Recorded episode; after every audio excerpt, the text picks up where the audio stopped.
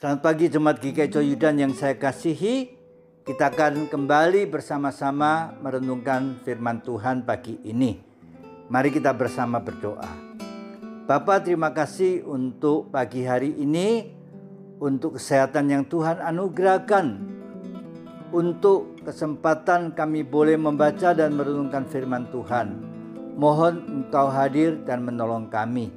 Dalam nama Yesus kami berdoa. Amin.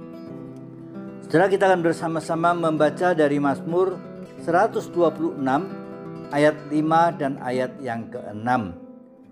Mazmur 126 ayat 5 dan 6. Orang-orang yang menabur dengan mencucurkan air mata akan menuai dengan bersorak-sorai.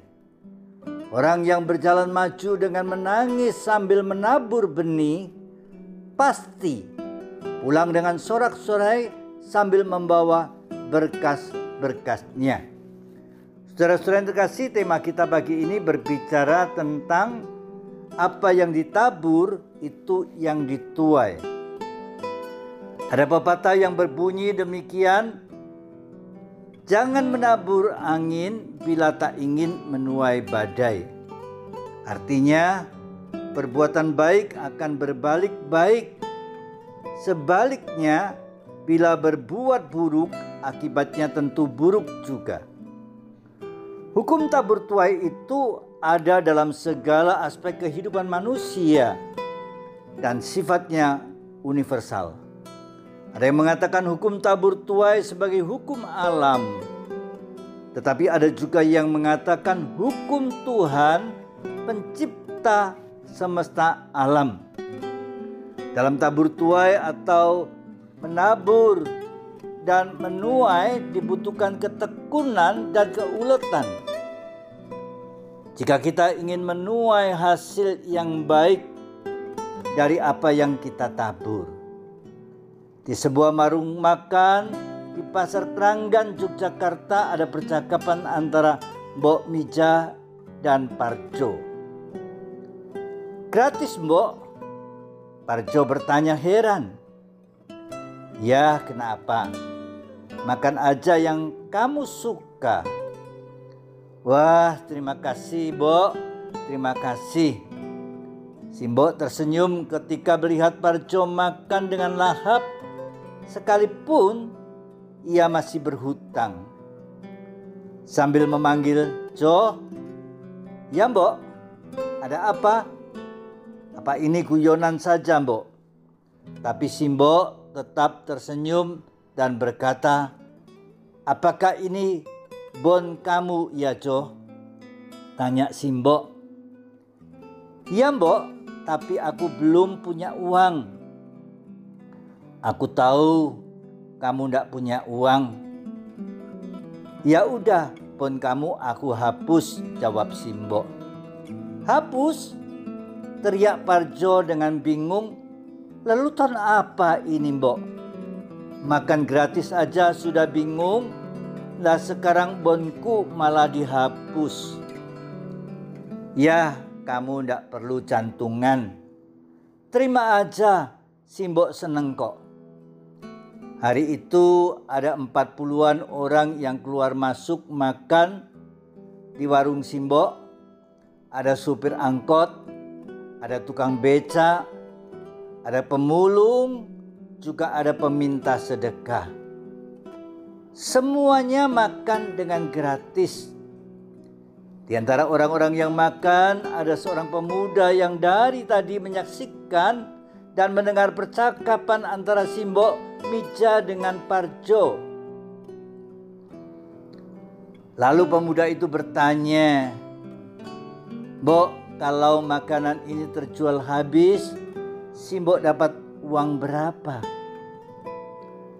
Mahasiswa itu dulu adalah mantan daripada pemuda yang selalu makan di warung Mbok Mija. Simbok menjawab 400 ribu rupiah nak. Tapi kalau semuanya membayar Berapa hutang-hutang mereka, Mbok? 700 ribu rupiah jawab Simbok. Lalu pemuda itu memberikan uang satu setengah juta karena dalam situasi yang sulit ini Simbok masih berbuat baik. Yang terkasih dalam Tuhan, pemazmur bersaksi tentang pengalamannya. Bagaimana di dalam Mazmur 126 ini dia bercerita karya Tuhan itu sungguh-sungguh tak terduga. Seperti mimpi rasanya. Dalam sekejap Tuhan mampu mengubah derita menjadi sukacita. Bukan hanya mereka yang bersaksi, tetapi bangsa-bangsa berkata, "Tuhan melakukan perkara besar kepada orang-orang ini."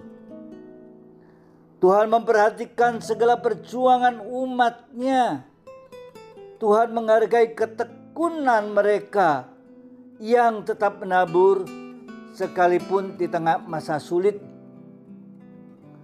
Tuhan membalas dan menggantikan air mata dengan sukacita saat mereka menuai hasilnya. Demikian juga orang yang ulet, yang tidak kenal lelah, tidak dibiarkannya sendirian. Tetapi janji pemeliharaannya nyata. Akan pulang dengan sorak-sorai sambil membawa berkas-berkasnya. Jemaat yang dikasih Tuhan, masa sulit karena pandemi masih kita hadapi. Marilah kita terus menabur kebaikan dengan saling menolong dan berbagi kepada mereka yang sedang membutuhkannya. Seperti yang sudah dilakukan oleh Mbok Mija, meskipun hidup sangat sederhana, tetapi ia tetap melakukan kebajikan. Kiranya Tuhan menolong kita. Mari kita sekali lagi bersama-sama berdoa. Bapak terima kasih.